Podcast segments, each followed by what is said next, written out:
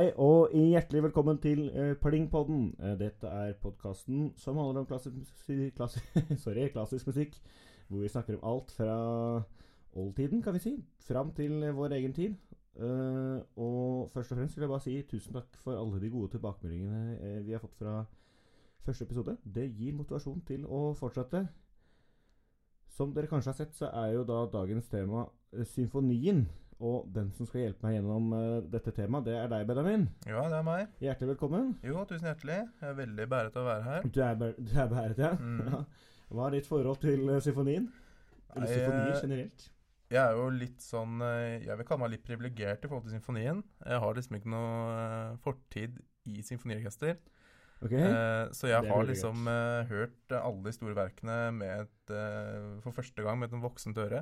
Ja, det er liksom ja. ikke blitt noe ødelagt av assosiasjoner og liksom nostalgifetisjisme og litt sånn. du, det er interessant innfallsvinkel. Mm -hmm. Vi kan bare starte litt tørt om hva, hva er egentlig symfoni? fordi Man ser på det historiske bakteppet her. Ordet symfoni det kommer fra det gammelgreske ordet symfonia, som betyr eh, samklang, rett og slett. Og betegnelsen symfoni har vi funnet helt tilbake på verk eh, fra 1500-tallet. Men i helt andre former enn det vi kjenner til i dag. F.eks. da Giovanni Gabrielli eller Heinrich Schutz, som kaller verkene sine for Sacrea symfonie. Som da betyr på norsk eh, hellige symfonier, eller da rett og slett hellige samklanger, da. Uh, Johan Sebastian Bach, den ikke altfor ukjente komponisten, har også trestemte symfonier for klaver. Og utover da 1600-tallet så blir begrepet mer og mer reservert for instrumentalmusikk. Det er vel det vi skal snakke mest om? Det er det vi skal snakke mest om. Det blir noe Nei, det blir mest instrumentalmusikk. ja, det...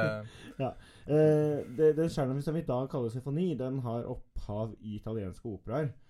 Og Det er interessant å se på italienske operaer nett på tilbake til 1600-1700-tallet. For det er en sånn maskineri som nesten ikke kan vinne om da, nåtidens eh, popmusikkindustri.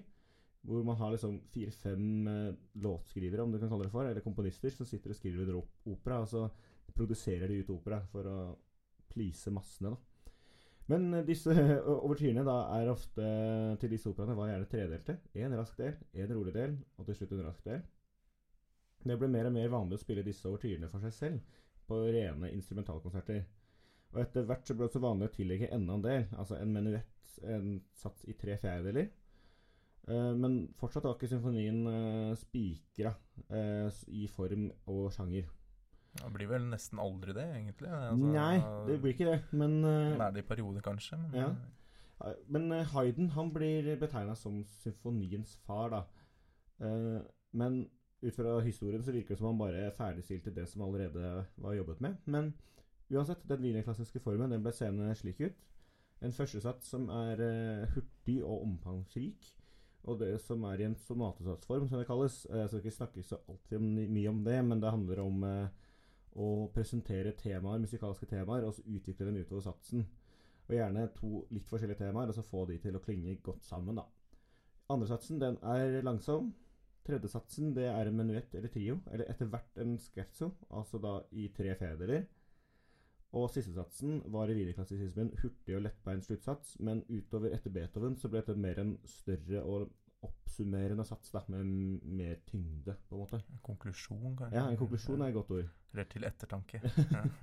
Eh, Hayden er da som sagt eh, symfoniens far. og Han skrev til sammen 108 symfonier og etablerte denne sjangeren. Eh, hans tolv siste symfonier, eh, som da ble kalt London-symfoniene eh, Grunnen til at de blir kalt for det, er for at han bodde i London da han skrev de. Her jobber han med viderespilling av temaer og musikalske elementer på en eh, særdeles Altså ikke ny måte, men enda mer jobber han med disse, denne viderespillingen av temaene. Det er Utrolig dårlig setning, men dere skjønner hva jeg mener. og da, dette, da, begynner det å ligne på det vi i dag kjenner, kjenner symfonien, da. Men uh, ja, også etter uh, Haydn så kommer Mozart. Han er ikke kanskje så viktig for uh, symfonien, men han skriver noe bra Han skriver noe fin musikk, da. Ja, han skriver jo veldig mye musikk, iallfall. Holdt på å si Haydn var jo også strykekvartettens far. Ja, det ja. kan man jo også nevne. Han var aktiv fyr. Både far til 108 symfonier og Jeg vet ikke hvor mange stykker han skrev? En bøtte med Shitload med det òg. Ja. ja. ja. Mozart, han er jo Altså han er jo liksom kroneksempelet på et protégé-barn. Ja. Til og med, altså Det er ikke bare musikk vi snakker om det. De bruker jo liksom Mozart i alle, alle sammenhenger. Ja, Det er det sånn er de- The Mozart of Uansett hva det Ja, handler om. Mozart of uansett hva. Ja. Uh, og han skrev første symfoni som åtteåring. Det er jo Altså Jeg, jeg, jeg, jeg tenker inn her altså, Det står også at han er Altså protesjébarn. Det virker sånn i forhold til den tida også. Mm. Eh, faren hans, eh, Leopold, var jo også, også musikkviter og kritiker. Ja, fiorinist og komponist. Ja, og ja. komponist da. -hmm. Eh, og når Mozart har skrevet den første symfonien sin, så var kritikken til faren at eh, det var for basic. Det er jo ja, kjipt å være basic når du er så gammel som 18 år. Ja. Og pekte ut tre satsfeil, Aha. men ikke dårlig for åt- åtteåring. Jeg tenker på, med en gang på Michael Jackson, jeg, og faren hans. Gjør det? Ja, jeg har alltid tenkt på liksom Jackson 5, altså hvordan faren har Ja, det- Jeg kan se for meg, det er kanskje spekulativt, det finnes sikkert noen kilder på det, men det, eh, ja, ja, men jeg syns i hvert fall det er gøy det med at eh, han uttaler det er, ikke så, det er ikke så dårlig for en åtteåring. Nei, det er ikke så dårlig for en åtteåring. Det er jo Ja, Mozart skrev i hvert fall 41 symfonier etter Altså 40 til, da. Eh, Ja, 40 etter den første. Jeg vet ikke hvor gammel han var da han skrev andre, liksom. Hvor, liksom Det vet jeg ikke, men da han skrev den 25., så var han 17. ja, Så det er jo en god beta imellom i tenårene og alt mulig. det var vel liksom det han holdt på med. Så Ja. som. Ja. Og så er det flere ting han ikke har publisert. Da. 17, var det 17 verk han ikke har eh, på oppsliste? Han har vel 17 symfonier, så nei, Ja. 15 tror jeg det er, eh, som ikke er offisielle symfonier, men Ja. som også finnes, da. Så store lille G-moll, da. To eneste i moll. Det er artig, for jeg hører ofte folk sier det er bare Mozart i moll er det eneste Mozart skrev bra. Oi, har du det? Ja, det er flere som har sagt det. Ja, for det er da de to eneste av 41 symfonier som er i mollet. Og Ja. Begge går i g-moll. Men det kan jo være folk som har metal-bakgrunn eller noe sånt. Ja, eh, det som kan eh, bare syns at moll er, eh, moll er tøft. Så. Ja. Så der er det Eh. henholdsvis lille g-moll er 25. symfoni, da, og den store g-moll det er 40., som er kanskje en av de mest kjente. Ja, Mm. G-moll er flott å skrive, da. Det er flott å skrive g-moll. Ja. Men etter, etter da han eh, godeste Mozart, så er det vanlig å gå videre til Beethoven. Og da begynner han på en måte å revolusjonere symfonien. da. Eh, før han så var symfonien gjerne en 30 minutter maks. Eh, mens hans Eroica den varer da nesten en time. Det er ikke bare lengden som utvides, altså tonaliteten den blir også mer komplisert, og formene blir også mer komplisert. Eh, og nå blir liksom symfonien gjort om til en slags bauta. Eh, før så har liksom komponister skrevet kanskje en titall symfonier. altså Haydn har jo skrevet 108 i tallet. Mozart skrev 41. Beethoven han skrev bare 9. Og nå er det liksom De er nå så velskrevne at nå er det kun de aller beste komponistene som kan klare å skrive en så stort verk som en symfoni. Og dette skaper enorme ringvirkninger. Og etter dette skal nesten alle de da romantiske komponistene ha skrevet et par store symfonier. Bare for å si, Vi skal snart eh, avslutte Beethoven og gå videre inn i romantikken, men bare et tips jeg har til neste gang dere ser eh, Beethovens femte på konsert, som skjer i hvert fall to ganger i året, uansett hvilket land det er i, så må du ta en titt på brasjistene under siste, satsen. Det er et moro skue. Eller kanskje høre på. Ja, men nei, også se på. Fordi, se på, ja, ja. fordi de spiller bare sausnere hele veien og sliter og river i den bransjen. ja. Brassjister kan bli mørkredd og mindre. Det kan de. Men det er altså, han, Beethoven gjør jo liksom symfonien fra å være altså, Netflix-serie til å bli en helaftens film. Ja. Så det blir jo plutselig eh, Du må sitte og følge med en stund i Ja. sammenheng. Og det, det er jo eh, noe verdt, det òg, tenker jeg. Altså. Ja, ja. Og så er det jo, han, han gjør jo den symfonien veldig så stor at, eh, at det er jo verdt å nevne at det blir jo litt krig etter at Beethoven er ferdig med å spille og leve. Eh, skrive og leve. eh, og hvem som skulle ta over den tyske stafettpennen. ja. Pennen. Pinnen. Ja, pennen òg, for så vidt. Det er jo, jo fin, eh, liten Ja. Og jeg tror det var Schumann som hadde det her tidsskriftet. Nauer er Zeitschrift uh, für Musik. Det er mulig. Ja, excuse my German. Eh, der han sier at Brahms eh, er liksom den store arvtaker av eh, Beethoven. Oh, ja, ja. Eh, og eh, da er Brahms 20 år. Okay.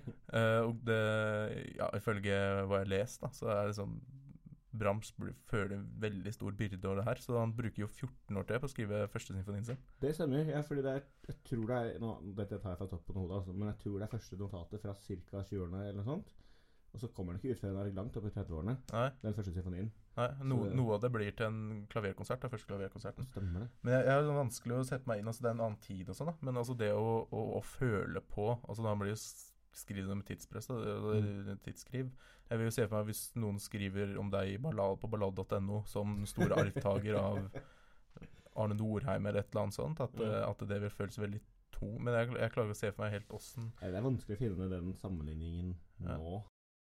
Nei, men han brukte i hvert fall utrolig lang tid på å skrive den symfonien, og da han først kom med den første symfoni, så var det veldig mange som bare Nei, det, det her er jo Det var en musikkritiker som sa, kalte Brahms første symfoni for den tiende symfonien. Altså han kalte Brahms første symfoni for Beethovens tiende. Ja, sånn, er. Eh, for at det var så likt, da. Ja, Eh, Det er gøy. eh, og så var det, det var litt sånn intrigue med Wagner, for han Wagner også liksom Nei, jeg kan også ta stafettpinnen da, til eh, stafettpennen. Ja. Men Eller han, fjærpennen. han han er vel nå mest kjent for operaene. Jo, det var det jeg mente, da. At ja. mus vokaldrama, eller Ja. musikkdrama, var eh, måten å ta over, da. Ja, så, ja, sånn, ja, ja. Eh, mm. Men når vi er først i romantikken, så kan vi jo ta og snakke litt om det Du har vel noe om Curse of the Ninth, som det kalles? Ja. Først, hva er det? Og Nei, 'Curse of the Ninth' er jo den her myten om at uh, når en komponist eh, har skrevet sin niende symfoni, så er det det siste verset, rett og slett. Ja. Uh, da dør han, ja. eller hun. Uh, men altså ja, Dette er jo en romantisk curse, da er det som regel han. Men Det er det. På den tiden så er det dessverre flest menn som skriver. på alt det står om Curse of the Ninth også, er det liksom Ja. Men uansett, da, så er det en sånn Folk har sett en sammenheng her, da. At uh, ja, skriver du niende, så dør du enten rett etterpå, eller så dør du mens du skriver den tiende. Ja. Og da er det jo mange komponister som blir tatt med i dragsuget der, er ikke det? Eller du kommer kanskje til det etter hvert? Så Mahler eh, skrev jo åtte eh, Correct me if I'm wrong. Åtte symfonier. Maler, ja. Han skrev Ja. ni.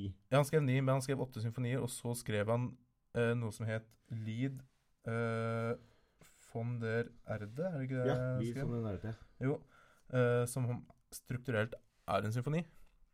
Stemmer det. Uh, men uh, han har liksom forkledd det som en uh, sangsyklus. Ja. Og så så kan man si ja, det er det for det er sanger men Mahler gjorde veldig mye rart med symfoniene. Så, Ja, det kommer faktisk til Ja. og så, ja, stemmer det. Mm. Også, men så har jeg hørt, hørt liksom litt her at han, liksom, han gjorde det for å utsette Ja, det er gøy. den niende. Så han skrev jo da etter hvert da den niende med lungebetennelse, Ja, der så jeg noe litt artig. Ja, fordi han hadde lungebetennelse mens han skrev den niende. som var veldig alvorlig på den tida. Da. Ja. Altså, Og så idet han var ferdig med den niende, så var den lungebetennelsen borte.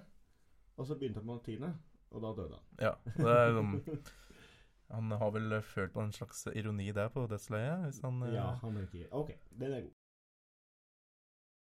Men det var egentlig etter dette at den her Curse of the Ninth har blitt tatt opp. Altså, de snakka ikke noe om det Nei. på romantikken, så vidt jeg har sett. Nei, og da virker det som de prøver å liksom lete etter eksempler. Fordi altså Dvorsak han døde etter niende, og Bruckner døde etter niende, men han har jo han har jo skrevet en nullte symfoni også, og en 00-symfoni. altså er, Han har litt sånn rart system der. Og Schubert Men eh, det er jo også vanskelig å Ja, det er det som er litt da for å avdunke den her myten. da. Vi er jo Ja. her for å avdukke komiter. Ja. Vi er mythbusters, bare Vi er Mythbusters i dag, og det som viser altså Nesten alle disse komponistene som er på den lista, er i hvert fall de store som de fleste også har hørt om. Uh, det er jo liksom er det, Har han skrevet ti? Har han skrevet syv? Har han skrevet åtte? Det er liksom noe Spesielt Schubert er jo liksom Det er noe ufull, liksom ufullstendige, ufullendte symfonier. Og så er det liksom en som han kalte for letteste, altså siste symfonien, som ikke ble ferdig. Så kan ha vært Mm. oppe i ti, ikke sant? Og det gjelder nesten alle sammen. Så det er egentlig Beethoven som er sånn stålsikkert skrev ni Ja. og, og døde. Eh, jeg tror Dvorsak ja Dvorsak som- også tror jeg er ganske Nei, ja, for han, han trakk tilbake noen, så er det noen som er blitt lagt Ja, noen er mistet og lagt til etter han døde, og litt sånn. Ja. Uh, så det er jo bare en stor myte. Men jeg, jeg tror det er noe med at, uh, at uh, vi er jo veldig fascinert av døden, vi mennesker. Vi liker å se liksom Altså Kanskje dette med Nien-symfonien er liksom sånn enda et tegn på noe større som skjer. da. Symfonien er den så, står stor Ja. at er større enn seg selv. Og så er døden veldig lukrativ, da. Det er et engelsk ord som jeg ikke har klart å oversette til norsk, eh, som heter apofeni. Altså ap apofeni, altså omvendt av epiphany, eller hva heter det? Epifeni? Epifeni. Ja, altså motsatt av åpenbaring? Ja, motsatt av åpenbaring, der folk ser sammenhenger som ikke ikke egentlig hører sammen, da. Ja, Eh, det kan vi jo si kanskje da virker som Er det med Curse of the Ninth? Curse of the Ninth, at, eh, at eh, det er veldig kult å snakke om. Det er, det er, det blir Ja. sånn, da klarer man å gjøre symfonien til en sånn bibelsk eh, religiøs sak, da, eh, Mm. som eh, kan være hyggelig, men feil. Men feil. Myth busted. Mythbusters, ja, hvem er det Mythbuster? Er det han skalla irriterende med skjegg, eller er det han andre med briller? Ja, nå som jeg har tatt håret mitt, så blir det kanskje sånn Der er han skalla Og jeg har ikke briller, så Men hvis du vil eh, unngå Curse of the Nine, så får du gjøre som Leif Segerstam. Han uh, er en sinnsdirigent. Han har skrevet 329 symfonier, så han overlevde Curse of the Nine, da, heldigvis. Dette er tall fra 2019 uh, januar, så jeg Ja. vet ikke om han har skrevet flere siden den gang. Nei. uh, ja, han har jo skrevet flere enn ni, som de aller fleste som har skrevet symfonier har. Ja. Rett og slett. Men det er helt trygt, bare skriv symfonier. Bare skriv symfonier. Ja. Eller ikke gjør det. Det kommer an på hva du liker å gjøre i hverdagen din. Ja. Men vi kan ta og snakke litt om de Du var så vidt innom Maler i stad. Mhm. Dette syns jeg vi må snakke litt om, for der snakker vi om eh, kanskje den altså på, Hva kan si at Symfonien han, den kulminerte med Maler i senromantikken. Nå er vi liksom på slutten av 1800-tallet mot århundreskiftet. Det er lenge siden jeg snakket om årstall, men jeg håper dere henger med. Maler han var eh, egentlig dirigent, og var en av Europas mest anerkjente dirigenter. Men somrene de brukte han på å komponere i sitt sommerregi i Toblach.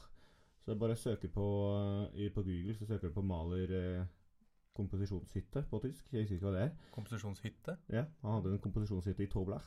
Da ser du, da ser du det, er Da ser du hvor han satt. Han satt sånn Altså Myten om komponistene som sitter i en sånn vakker hytte ut med utsikt over naturen. Så sitter der og skriver symfoniene sine.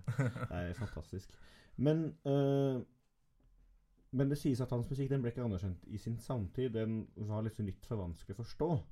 Og det kan man se grunner til. Altså Det er vanskelig for oss nå å skjønne hvorfor den ikke blir forstått, da, for den er så fin. Men den er på en måte litt usostifikert samtidig som den er elegant. Altså Musikken er jo for det første lang og kolossal. Men, og symfoniene varer over en time og har masse kompliserte og komplekse former og alt mulig.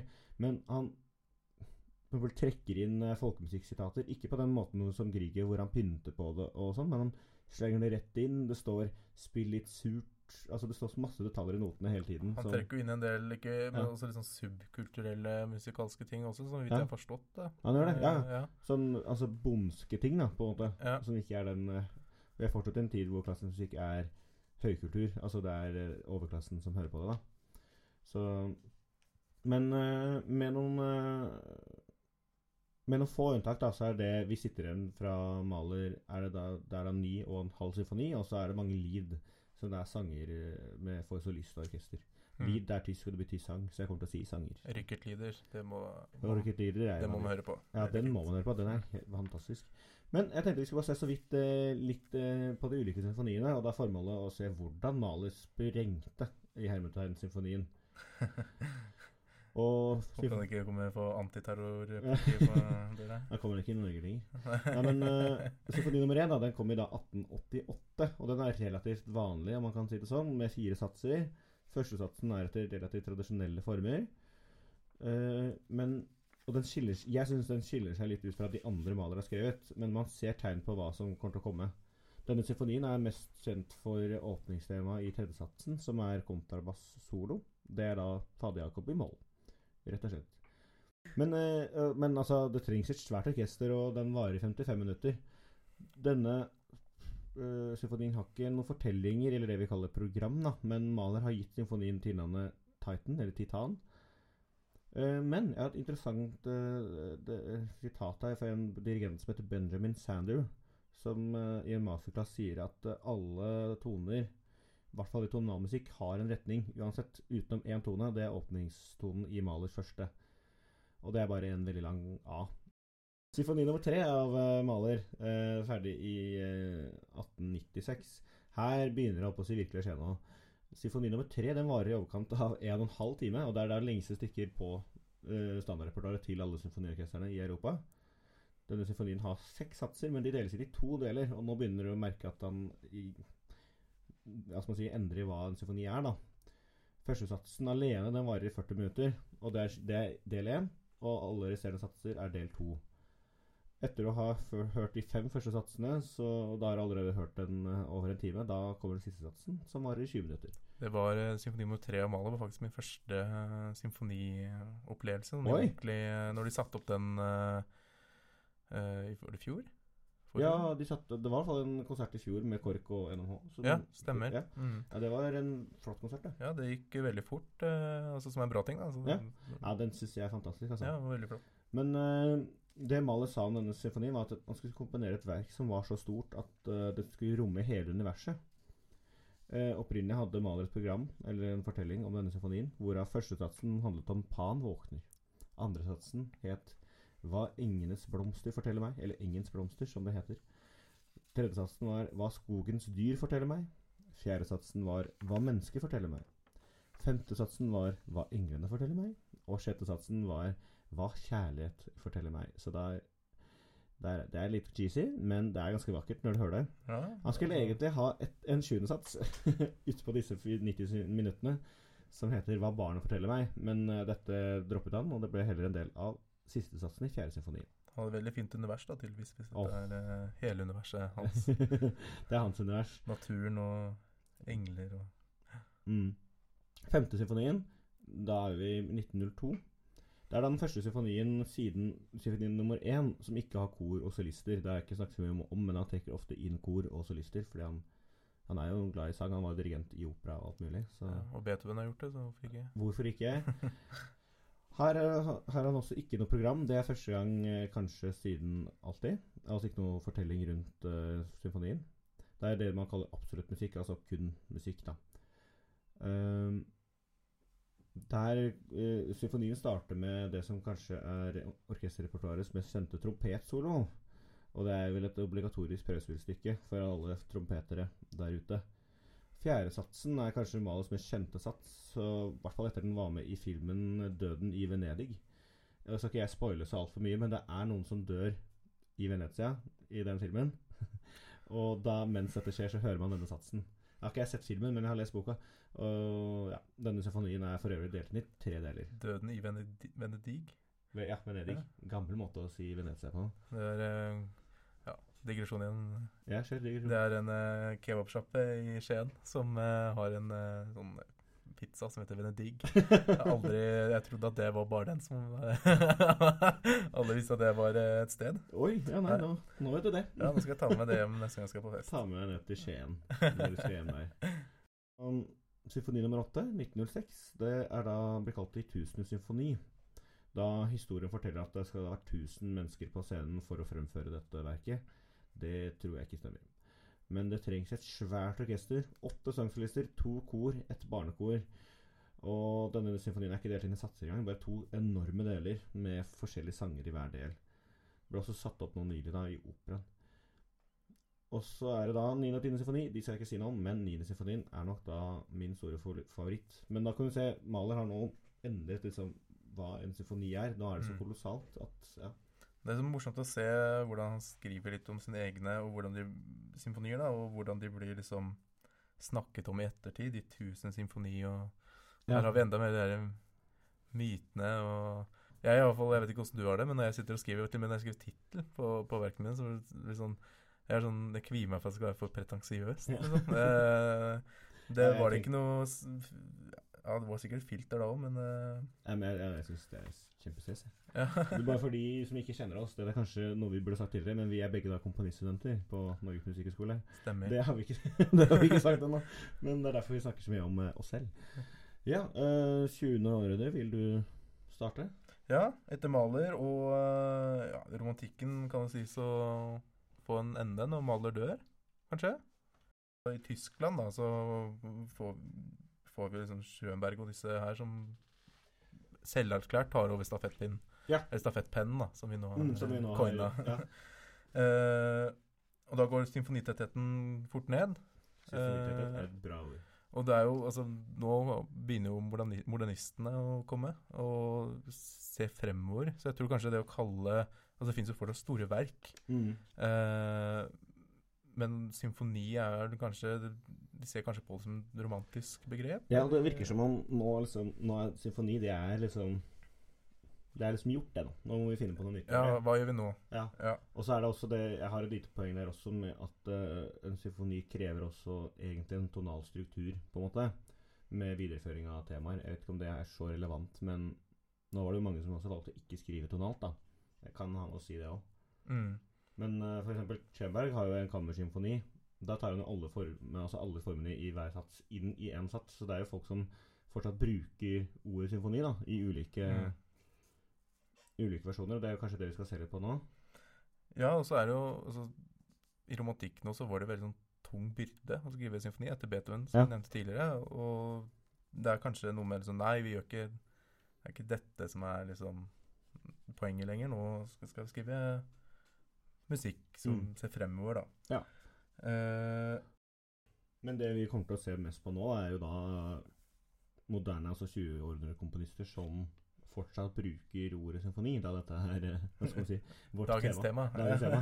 Og da har vi da um, Schönberg, som sagt, og så er det Stravinskij, som da, for de som ikke har hørt forrige episode som vi, Det var det vi snakket om i forrige episode. uh, han har da symfoni C og symfoni i tre satser. Men et stykke jeg har veldig stått for, er Symphonies of Wind Instruments. Dette er jo ikke en symfoni, men her bruker han da det originale greske ordet igjen, altså klang. Og det som jeg syns er litt teit, er at den ofte oversettes til norsk som Blåsesymfonien. Men- Som hva? Som Blåsesymfonien. Blåsesymfonien? Ja, men Ja. det syns jeg blir helt feil. Fordi det riktige oversettelsen burde jo vært klanger for blåseinstrumenter. Fordi det er Jo, det, sant. det, er det som er. Ja. Så er det mange andre i det 20. århundre som har skrevet uh, symfonier, bl.a. Snitke, Schnitke, Penderecki, Carl Nielsen og Prokofjev, for å nevne noen få. ja. Og kanskje den mest betydningsfulle symfonikomponisten i det 20. århundre må jo være Sjostakovitsj. Han fikk jo For han fikk liksom symfoniene politisk viktighet i Sovjetunionen.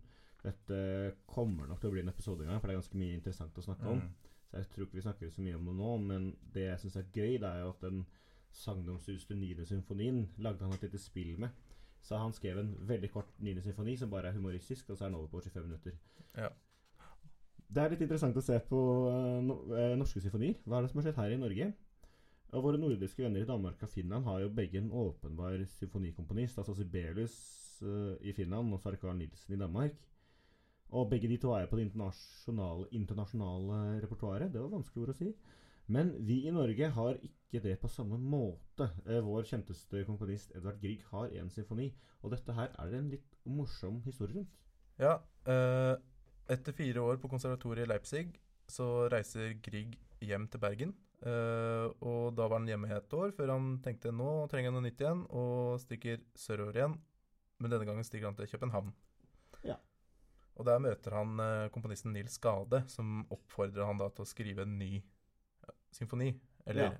den første symfonien Den hans, da. Ja. Da er han jo litt i starten av 20-årene. Og første satsen bruker han eh, to uker på å skrive. Eh, kun. Mm. Men de resterende tre tok til sammen da over et år og ble fullført. da. Og denne symfonien ble uroppført på Tivoli i København. Før da det som da het musikkselskapet Harmonien, så orkester fremførte det samme år. Og da musikkselskapet Harmonien er da det vi kaller for Bergen Filharmonisk nå i dag.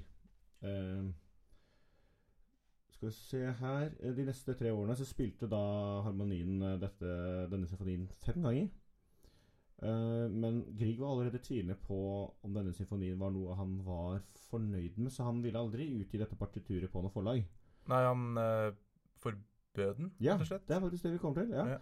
Fordi etter å ha vært på en eh, prøve til uh, Svendsens uh, symfoni i 1867, så skal uh, Grieg ha sagt følgende Da må det nesten du ta det sitatet. Skal jeg, ta, ja. Ja. jeg skal ikke ta det på bergensk, men uh, Nei, jeg syns han, han skriver så fint. Ja.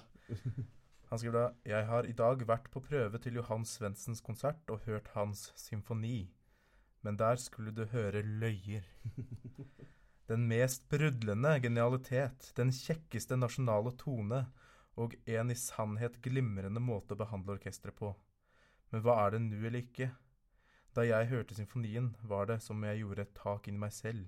Alt, alt hadde min fulleste sympati og trengte seg inn i meg med en uimotståelig makt. Det var det jeg også tenkte først jeg hørte Svendsens første symfoni. Eh, men da han hørte den, så trakk han det var da, som du sier da, trakk han symfonien fra offentligheten, og så skrev han stort på partituret 'Må aldri oppføres', og så sine initialer EG. Det er jo enda flere grunner til det også, tror jeg. Det var, dette var jo en tid vi hadde sånn fornorskelses... eh, Eller ident, norsk identitetspolitikk i Ja. Norge. eh, der man skulle skrive norsk. Mm. Uh, og den er jo ikke kanskje så norsk. Den er ikke norsk i det hele tatt. Jeg hørte litt på den når jeg så på research her, og det er jo høres ut som en tysk eh, Han kommer jo rett fra Leipzig, da, Ja. egentlig. Og det er jo sikkert eh, Han har funnet ut at oi, her var det veldig tysk. mm. Og Norge ville ha norsk. Det var liksom norsk var eh, inn. Ja. Tysk var ut. Det er akkurat det. Eh, og han har liksom ikke kommet inn i den herre Holdt på å si folkemusikkbearbeidelsesperioden sin ennå. og det er sikkert derfor han ikke vil at dette skal spilles mer. Det er kanskje karrierevalg, eller Ja, helt sikkert. Mm. Men i hvert fall så ble dette respektert. Det skal aldri oppføres. Det ble respektert i 100 år.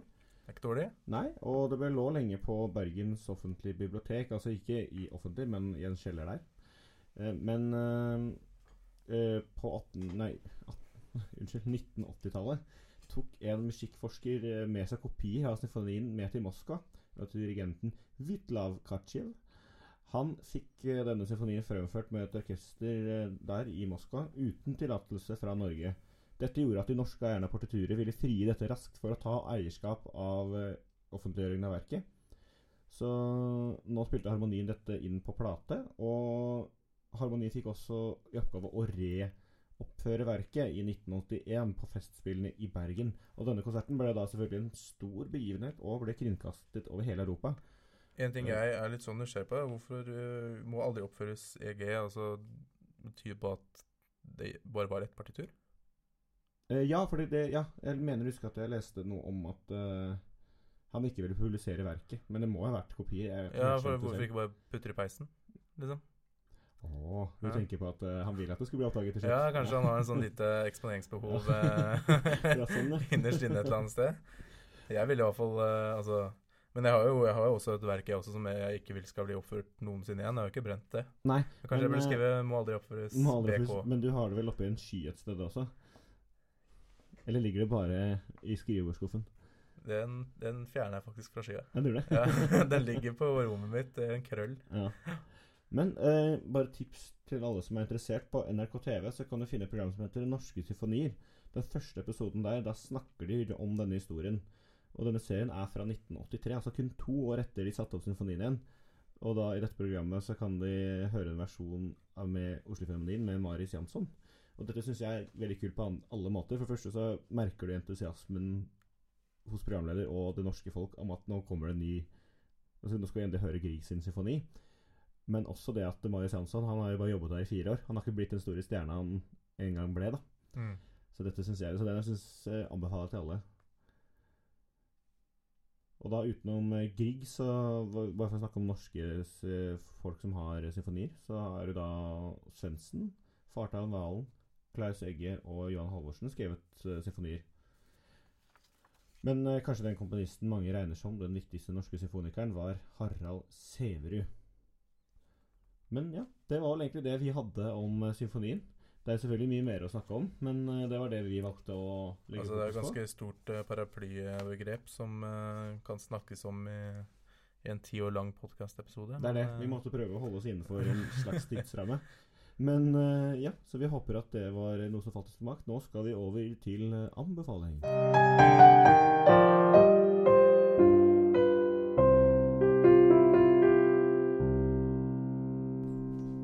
Skal vi over til spalten vi kaller for anbefaling. Her tar gjesten med seg et verk som vedkommende ønsker å anbefale.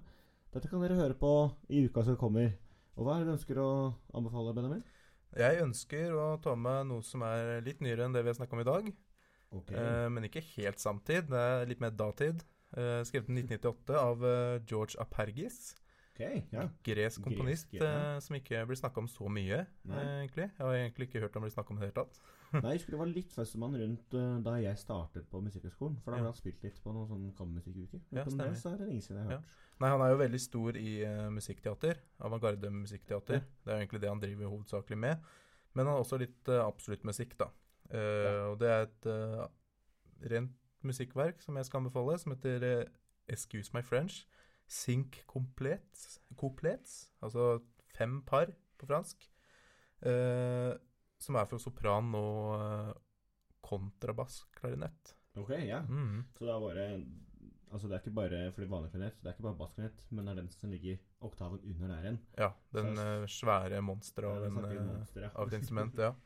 Eh, veldig fint og holdt på å si enkelt verk å høre på, syns jeg. Jeg syns det er en skikkelig banger. Mm. Uh, og veldig fint liksom skriv det forholdet mellom, uh, mellom so- sopran og dette svære instrumentet, da.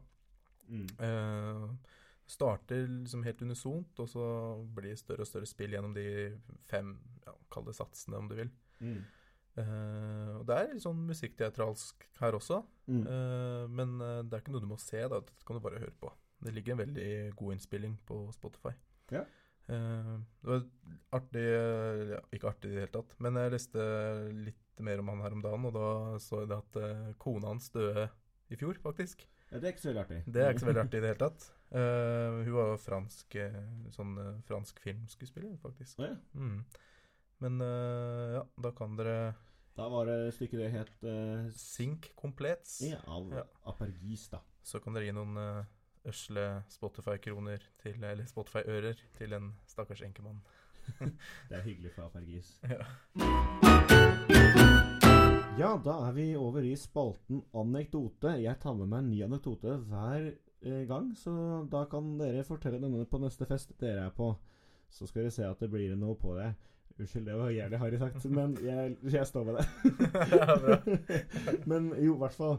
Eh, han, eh, denne gangen så er det en historie jeg hørte for en stund siden da jeg var på en cellotime. Jeg har ikke noe navn, ikke noe orkester. Jeg kan ikke garantere at dette er sant, men det er morsomt uansett. Mm. Det var en uh, cellist som uh, spilte i et orkester, et av, da, et av de bedre, selvfølgelig. Og så var det på en konsert hvor de skulle starte et eh, stykke. Det startet eh, veldig svakt med tremolo i stryk, pianissimo. Vakkert. Vakkert, ja. Han trodde vi skulle begynne på et annet stykke. Noe eh, beinharde greier, så han starter jo i fortissimo og bare kjører på. Og ja, det er flaut nok i seg selv. Men eh, da dagen etter så får han eh, sparken. Ja. Og da sier han Var ikke det litt drøyt å sparke meg bare fordi jeg spilte feil? Alle kan jo spille feil. Så sier de nei, nei, du får ikke sparken fordi du spiller feil. Det var bare så sykt dårlig. ja, Ja. så spiller du et feil stykke, spill det vel. Spill det bra. Ja. Ja, da er vi over i spalten som vi kaller for aktuelt. Altså hva er det som skjer ute i Musikk-Norge nå i, i denne uka, faktisk. Denne uka vi nå kommer inn i. Eh, vil du at så mange som mulig skal dra på konserter, så har vi en litt, noe forslag. ja. eh, OFO har eh, skolekonserter denne uka, så det er ikke noe for betalende publikum. Nei. Men for de som går på skolen, Kommer det Eller dere må. det må. Så, men eh, ja. Ja, OFO er da Oslo-Filharmonien, for de som ikke skulle vite det. Eh, KORK de inntar Oslo Spektrum denne gangen sammen med Halvdan Sivertsen. Dette er en sånn slags eh, 70-årsfeiring. Det er eh, teit å anbefale den, tenker jeg når jeg- først eh, sier det høyt nå, for den er utsolgt. Men den Ja. vises på TV 25. januar. 25. januar. Godt du sier. Og onsdag 22. kan du høre Madama Butterfly i operaen. Og I helgen yep. så arrangerer de noe sånn Mini-Madama, som er eh, workshop for barn. Ja. Ja, Så er interessert i opera. ta med deg de små åtte år gamle Mozartene dine. Til Ja. Mm. Jeg kan skrive en symfoni når jeg kommer hjem. I Bergen Filharmoniske Orkester så har jeg en konsert som jeg tror jeg ville dratt på hvis jeg var i bergensområdet denne uka.